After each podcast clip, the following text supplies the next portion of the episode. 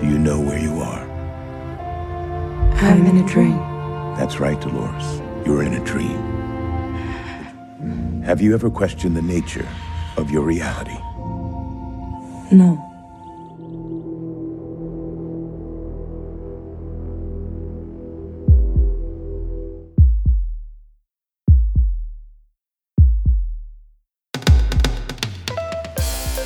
There's this big discrepancy between what we see and what we think we'll see. Man kan sige, at øh, hvis man kigger helt primitivt på, hvad det er, vi får ind i vores hjerne, så er opmærksomheden jo et filter, der bestemmer, hvad er det, vi skal have. Det svarer lidt til en lygte, der er tændt om natten. Den lyser på et eller andet i skoven, og det er det, vi opfatter. Og så er der en masse andet, vi ikke opfatter. Velkommen til Stetoskopet, som i denne omgang skal handle om bevidsthed. Dagens program er produceret af Agnes Ribabelli, Alberte Hjort Dus og jeg selv, Amalie Midbo. Ideen til det her program den opstod en mørk novemberaften. Da jeg så Westworld. Og pludselig blev grebet af tanken om, at jeg egentlig ikke aner, hvad bevidsthed er. We can't define consciousness because consciousness does not exist. Så jeg skyndte mig på Google. Hvad er bevidsthed? Og det første, der dukker op, er en stor hjerneforsker fra England, O'Neill Seth. Han skriver, at den førende teori lige nu inden for bevidsthedsforskning er, at vores bevidsthedsindhold, altså vores idé om virkeligheden, må ses som en form for kontrolleret hallucination. O'Neill er professor i Cognitive og Computational Neuroscience på University of Sussex. Så han founder og co-director af Center for Consciousness Science, og han er editor-in-chief på tidsskriftet Neuroscience of Consciousness. Så jeg tænker, at han må være et godt sted at starte, hvis jeg gerne vil prøve at forstå lidt mere, hvad bevidsthed er. Og jeg ringer til ham og spørger, om han kan forklare mig, hvad han mener med, at bevidsthedsindhold, altså vores perception af virkeligheden, kan ses som en kontrolleret hallucination. The idea is that what we perceive is not a readout of sensory signals. It's not as though there's a real the world out there is just making itself available as to us through our senses. It's more that we are um, constructing this experience of the world moment to moment. So this is why I call it a controlled hallucination because it really captures the idea that what we experience comes from the inside out. It's a it's a generation. It's a it's a projection of the brain out into the world, um, and sensory data just keeps these predictions on track. And the hallucination we typically think of as when we perceive or experience something that's not real, that's not there. But in fact, we can think of hallucination just as uncontrolled perception. It's the same basic mechanism. The brain is always making its best guess about what's out there in the world, it's just that most of the time, these best guesses are being adequately controlled by the world, and so you know, we what we see is actually related in useful ways to what's out there. And when we are hallucinating, that control has changed, or it's it's gone away, or it's gone wrong in some way, so that what we experience no longer has a grip on the world. O'Neill forklarer, at når du kigger på verden, så ser du ikke verden, som den er. Du ser verden, som du forventer, at den er. En form for hallucination, men fordi din forventning om verden stemmer nogenlunde overens med alle andres forventning om verden, så kalder vi det virkelighed. Han beskriver, at hjernen er en form for forudsigelsesgenerator. Jeg kan godt mærke, at mit abstraktionsniveau det er lidt udfordret, så jeg spørger ned, om han kan komme med et lidt mere konkret eksempel på, at vores virkelighed er subjektiv. Perhaps the easiest way to think about it is to think about how we experience color. It seems to us that when we look around us, that color is an externally existing property of the real world out there. But we know, and we actually know from physics, that color is not something that has a, an objective external existence. It's something that's constructed by the brain to keep track of how objects, keep track of objects when lighting conditions change. You know, the brain creates color, and it, it does so, I think, at least, by making predictions about what's out there in the world. And then sensory data just is there to uh, refine, to finesse, to restrain or update these predictions so they have some grip on the world. So when we experience color, what's happening is the brain is making a prediction about some property of the world that doesn't change when lighting conditions change. And we experience that as color and we experience it as being a property of the real world when it actually isn't. Så vores idé om virkeligheden må altså ses som vores hjernes bedste gæt på, hvad de millioner af sansestimuli, vi modtager udefra, repræsenterer. Og vores bedste gæt afhænger af, hvad vores hjerne tidligere har oplevet. Fordi vores tidligere oplevelser former vores forventning til, hvad der kommer til at ske. Jeg spørger nede om, hvad vi skal bruge den her viden til. Den her viden om, at jeg ikke ser det samme, som du ser. Hvad siger det om, hvordan vi forstår verden, hvordan vi forstår hinanden? The notion of controlled hallucination, I think, challenges what we might call uh, a naive realism. And so again, it's back to this idea of color that you know, when I experience colors out there, I really experience those colors as an objective, observer independent part of the world. And if I experience things that way, then it's very difficult to understand that other people may be having different experiences. But we can begin to see with this controlled hallucination view is if we if each of us are, if our brains are making slightly even slightly different predictions about the causes of sensory signals we will have different perceptual experiences even when we're in the same environment. You can think of it a little bit like um, the phenomenon of the of an echo chamber in social media, but now operating at the level of perception. We're all familiar with echo chambers, right? We can be in the same world, but believe different things because we interpret things in different ways. And we also then seek out data, information that confirms our own personal beliefs. So we end up diverging quite a lot uh, in, in what we think is going on. And I think the same thing can apply in perception that we may end up perceiving the world in a slightly different way. And then through sampling the world, through the kinds of you know, environments we happen to be in, we'll just entrench these different ways of perceiving things.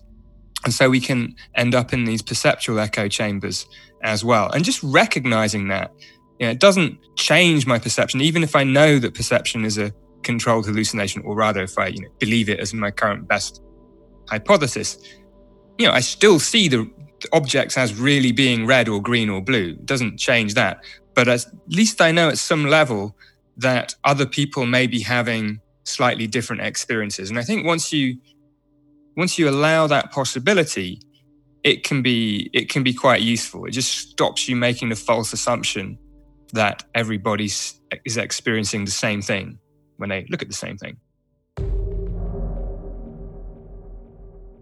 Og Nede opfordrer altså til en vis ydmyghed overfor, at selvom vi tænker, at det er den samme virkelighed, vi ser på, så skal der kun en lille forskel i vores forventning til verden til, for at vi ser noget forskelligt. Efter at have snakket med Ornede, føler jeg, at jeg lidt bedre forstår den her idé om, at vores bevidsthedsindhold, vores idé om virkeligheden, kan ses som en kontrolleret hallucination. Men jeg må indrømme, at selve spørgsmålet hvad er bevidsthed? Det står stadig som et mysterie for mig. Det gør det ikke kun for mig, det har det gjort gennem årtusinder. For filosofer, præster, biologer, læger og i nyere tid folk som O'Neill, der forsker i psykologi, computer science og kunstig intelligens. Men jeg kunne godt tænke mig at blive lidt klogere på begrebet bevidsthed og bevidsthedsindhold ud fra et lægefagligt perspektiv – så jeg er taget til Roskilde Sygehus, neurologisk afdeling, for at snakke med hjerneforskeren Troels Kær.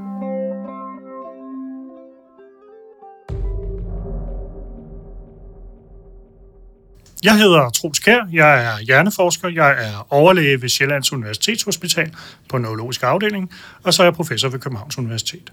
Min forskning har haft meget fokus på begrebet bevidsthed og forskellige former for bevidsthedsforstyrrelser, hvor man kan sige, at øh, noget af det første, der interesserede mig, det var, hvad er bevidsthed i det hele taget, og hvordan måler vi bevidsthed på mennesker.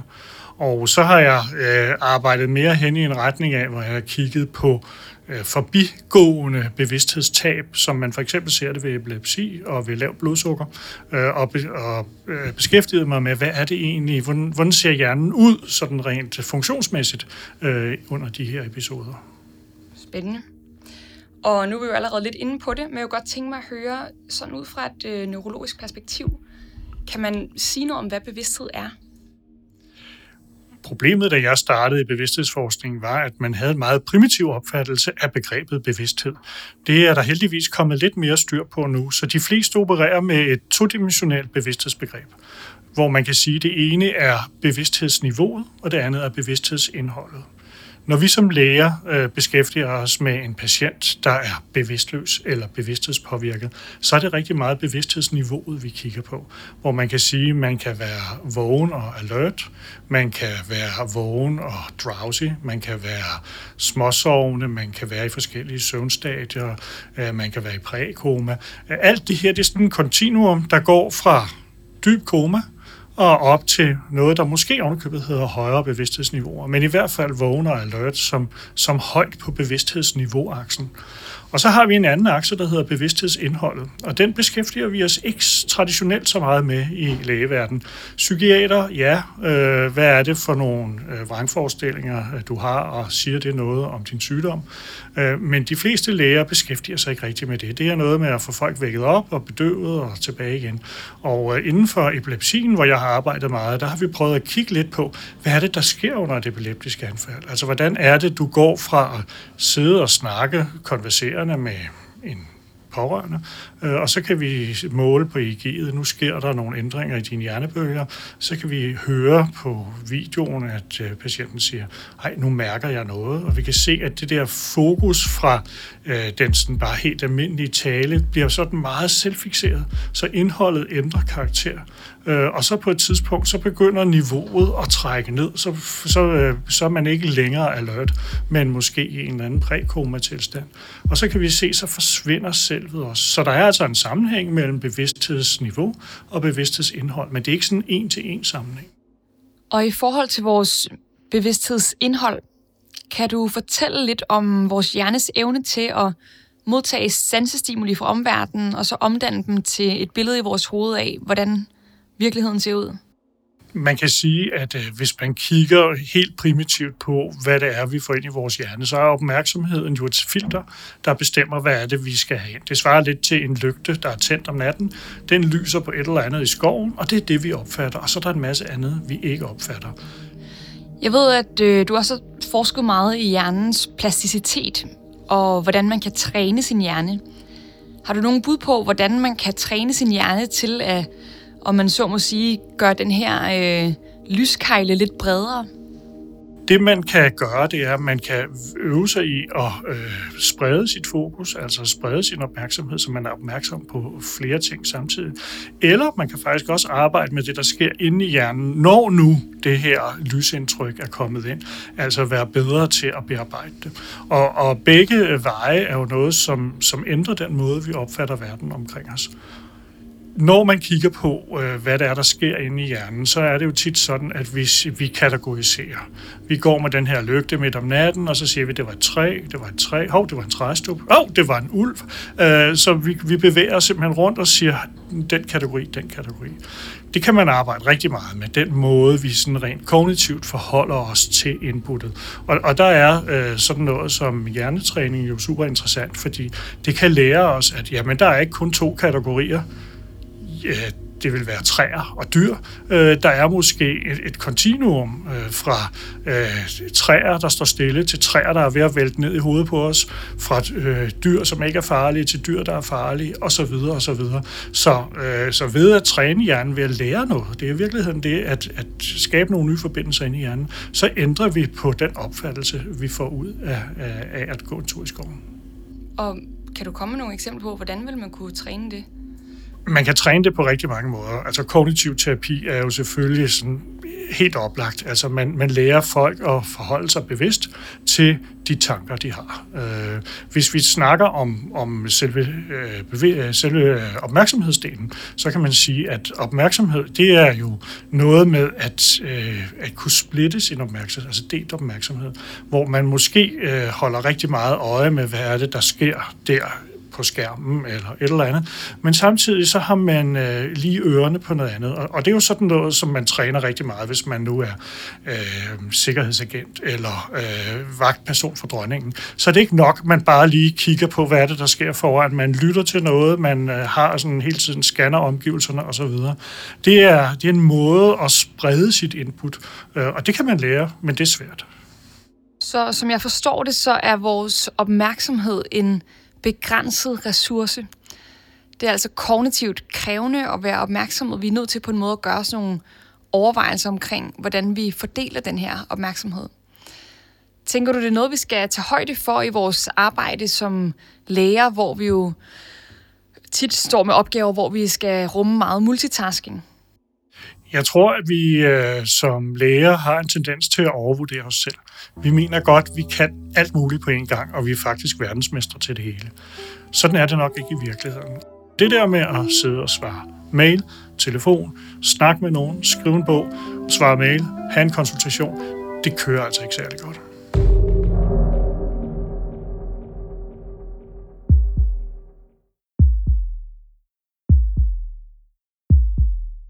Jeg føler, at jeg er kommet det lidt nærmere. Spørgsmålet om, hvad bevidsthed er. Have you ever questioned the nature of your reality? Men mest af alt er jeg blevet optaget af det her med, at vores idé om virkeligheden, vores fortolkning af de sansestimuli, vi modtager fra omverdenen, er så afhængig af, hvad vi retter vores opmærksomhed mod. Jeg vil gerne vide lidt mere om omfanget af det her, har det reelle konsekvenser? Er det bare små detaljer, vi risikerer at overse, eller risikerer vi at overse større og vigtigere ting? Jeg har fundet en person, som har dedikeret det meste af sin karriere til at udforske netop det. Han har forsket i, hvordan vi mennesker bliver blinde over for objekter, som vi ikke retter vores opmærksomhed mod, selv hvis vi kigger direkte på dem. Han hedder Daniel Simons, og han er professor ved The University of Illinois. Og her ringer jeg til ham tværs over Atlanten.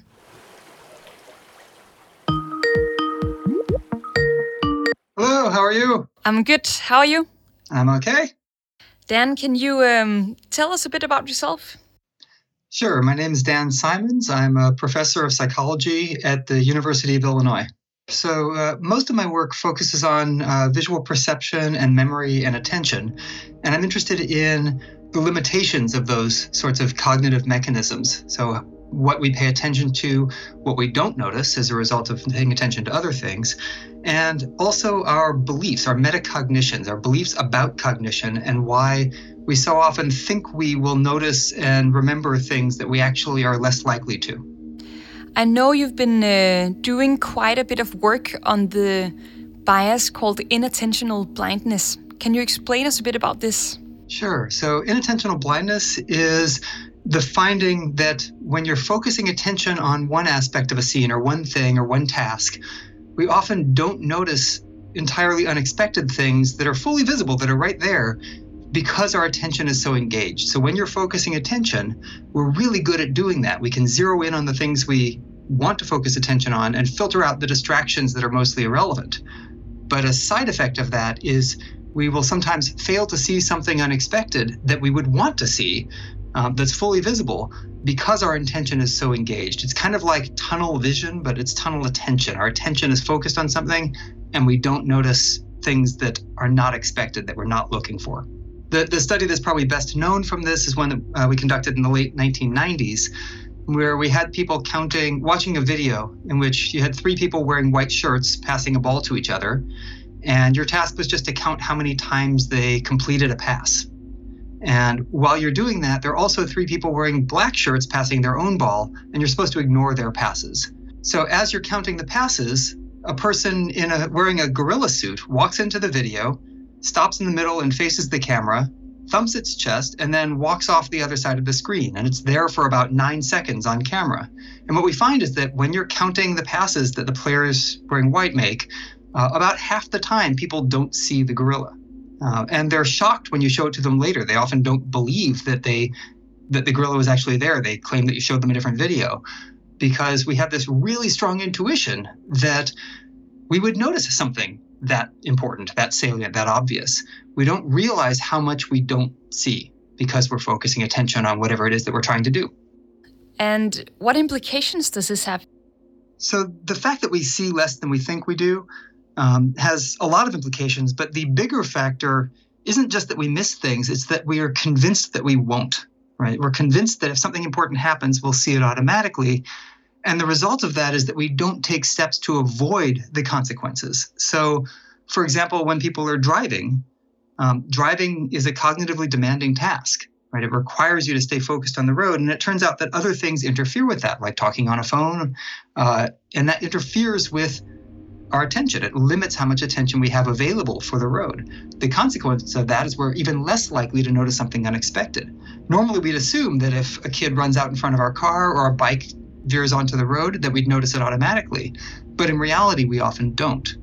And the bigger issue is that if you don't realize that your attention is limited and that everything you do that uses attention makes it less likely you'll notice something unexpected, you might not take the necessary precautions. So you might talk on your phone instead of turning your phone off when you're driving.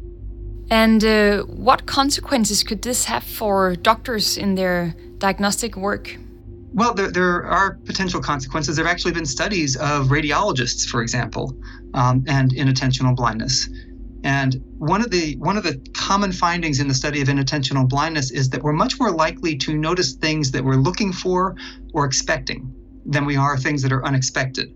So imagine you're a radiologist looking at a radiograph or an X-ray, chest X-ray or a CT, and you're looking for a particular problem. You're looking for a particular kind of lesion or uh, a fracture or whatever you're looking for. Um, if there's something else unexpected in that image, you might assume that, of course, it would draw attention, but in reality, it often might not.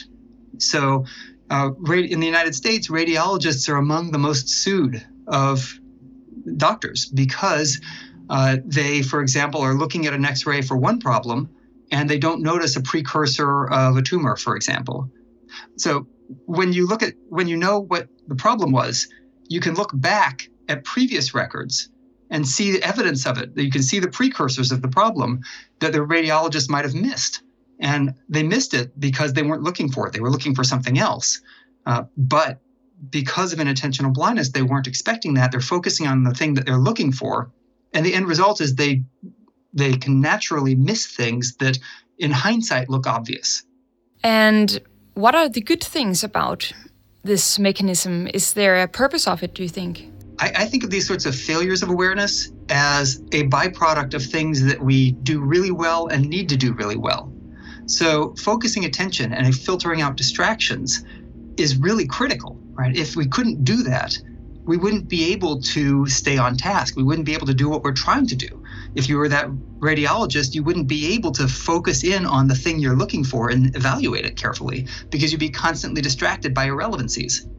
Um, so we're really good at focusing attention. And given that we have a limited capacity for attention, there's only so much we can take in at once, being able to select, to be able to focus on what we care about, is a remarkably important skill. The problem comes not from the fact that we miss things. Again, it's the fact that we think that when we're focusing attention, we'll also take in all of the other stuff that might be important. And that's the mistake we make. Der har blandt andet været et studie, som var inspireret af Daniel Simons studie om den usynlige gorilla. Her der tog man en øh, CT-scanning og puttede et billede af en gorilla ind i CT-scanningen. Så bad man en masse radiologer om at kigge scanningen igennem og lede efter lungenoduli. Det man så, det var, at 83 procent af radiologerne de overså gorillaen. Og billedet af den her gorilla var altså 43 gange større end en gennemsnitlig lungenodulus. Det man også så, det var, at blandt de 83 procent, der ikke så gorillaen, der viste eye tracking, at 60 procent af dem kiggede direkte på den, mens den var synlig.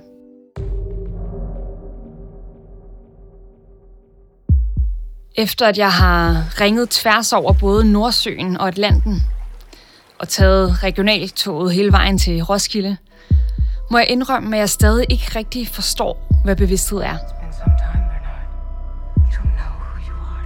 Men jeg føler, at jeg har fået en større forståelse for, hvordan min hjerne forsøger at sortere i de millioner af sansestimuli, den modtager fra omverdenen, og vurdere, hvorfor nogen, der har relevans, hvorfor nogen den skal se bort fra, og hvordan den prøver at omdanne dem til et meningsfuldt, sammenhængende billede, så jeg kan vågne fra en drømmeløs søvn, åbne øjnene, kigge ud på verden, der med det samme præsenterer sig for mig med farver, lyde, velkendte dufte og en klar følelse af, at jeg er mig, og den verden, jeg lever i, ser sådan og sådan ud.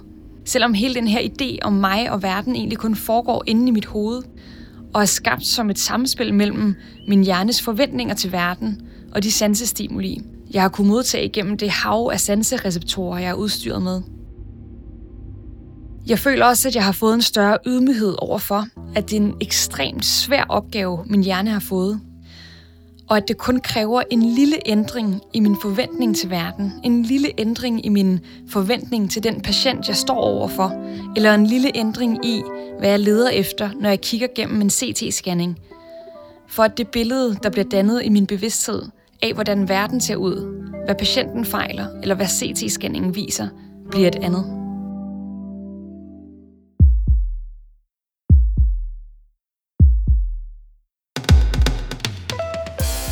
Det var alt for stetoskopet i den her omgang. Tak fordi du lyttede med. Og næste gang du er uenig med din læsemarker, din kollega eller din kæreste, så husk, at det rent faktisk ikke er den helt samme verden, I ser. Hvis I hænger på, så har vi et par øh, gode råd til jer lyttere fra både Troels Kær, Daniel Simons og O'Neill Seth. Og inde på vores hjemmeside vil I kunne finde links til de artikler, vi har refereret til i programmet. Her til sidst, Troels, øh, har du et godt råd til vores lyttere, når de øh, står og skal bruge deres bevidsthed til at tage nogle beslutninger? Det er udelukkende at kigge på en hjerne som øh, en, som skal navigere i bevidsthed. Det er selvfølgelig interessant, men det er også at kigge på, at den skal navigere i et livsforløb, i en livsproces, er utrolig vigtigt. Og, og nogle af de ting, vi gør som unge, får konsekvenser for det, vi gør senere. Så, så et godt råd til medicinstuderende for mig er, prøv at tænke øh, lidt ud over, hvad... Øh, når du skal, hvad skal du skulle kandidatspeciale i, eller øh, hvilken introstilling skal du have. Men prøv at kigge på, hvordan øh, kunne du forestille dig at være pensionist? Jeg ved godt, det ligger langt ude i fremtiden, men, men det her med at kunne navigere i forhold til fjerne mål, det er noget, hjernen godt kan, og ved at træde nogle stier ind i hjernen, der allerede har lukket op for, jamen der skal jeg sejle rundt om jorden, eller der skal jeg passe børnebørn, eller hvad ved jeg, så har man givet hjernen øh, den her øh, det her lille skub øh, i den retning. Øh, og, og hjernen er utrolig dynamisk, det skal man huske. Så, så vi skal hele tiden huske, at vi er ikke neutrale observatører. Vi er en del af vores fortid. Og vi kan også tænke os lidt om, og så sørge for, at vores fremtid går i en bestemt retning. O'Neill, if you should give some advice to young doctors or medical students in terms of decision making or trying to understand the patient, even though we do see the world a bit differently? What would that be? It's a really tough problem in medicine to, to figure out how the people you're treating are experiencing things. Um, and you know, they, they will come to their situation with a very different set of priors and expectations and may have a very different set of experiences. And you know, understanding a bit more about how perception works can can maybe help smooth interactions between doctors uh, and patients. But yeah, I just think that the main thing is is to is to remain kind of interested in the basic phenomenon of you know, how how the not just how the brain works, but how the body works is is still there's so much to discover. There's so much that is not known. There's actually a huge amount of I think interesting research we haven't talked about in how the brain and the body interact. So, influences of physiological states on, on mental states. Uh, you know, I think that's we tend to think of of the brain and the body as, as somewhat separate in many contexts when they're of course they're very very very tightly coupled very very tightly connected daniel uh, do you have some advice for young doctors or medical students in terms of making decisions? Well, I mean, I, this is something we've actually written about quite a bit, um, you know, and I think one of the the biggest dangers for any profession is having too much certainty, and uncertainty is is a good thing. It's a reasonable thing. Um, advice we give to people who are not doctors is uh, be more trusting of a doctor who's willing to say I don't know and to go look up the information. You know, we, we give in, in, in our book, Chris Chabria and I talk about uh, a case in which he was diagnosed with Lyme disease. And he went in to see the doctor, and the doctor uh, took a look at it and said, huh, and then went and got a couple of textbooks to look things up. And his initial reaction to that was, oh, that's that's terrible. They don't know. And then in thinking about it more, it's like, no, they, they're doing the right thing. If they're not absolutely certain about something uh, and they don't know it off the top of their head, it's much better to look it up and verify than to speak with confidence without actually knowing. So um, people look to doctors almost to be a, you know, a, a, they, they look to them to have confidence and to know things with certainty but the best doctors speak with uncertainty as well. They understand that what they don't know and are willing to say i don't know and we don't know what this is going to do and we are not sure that this is the right diagnosis. Um, and for me that gives a lot more confidence in, in their actual abilities and knowledge.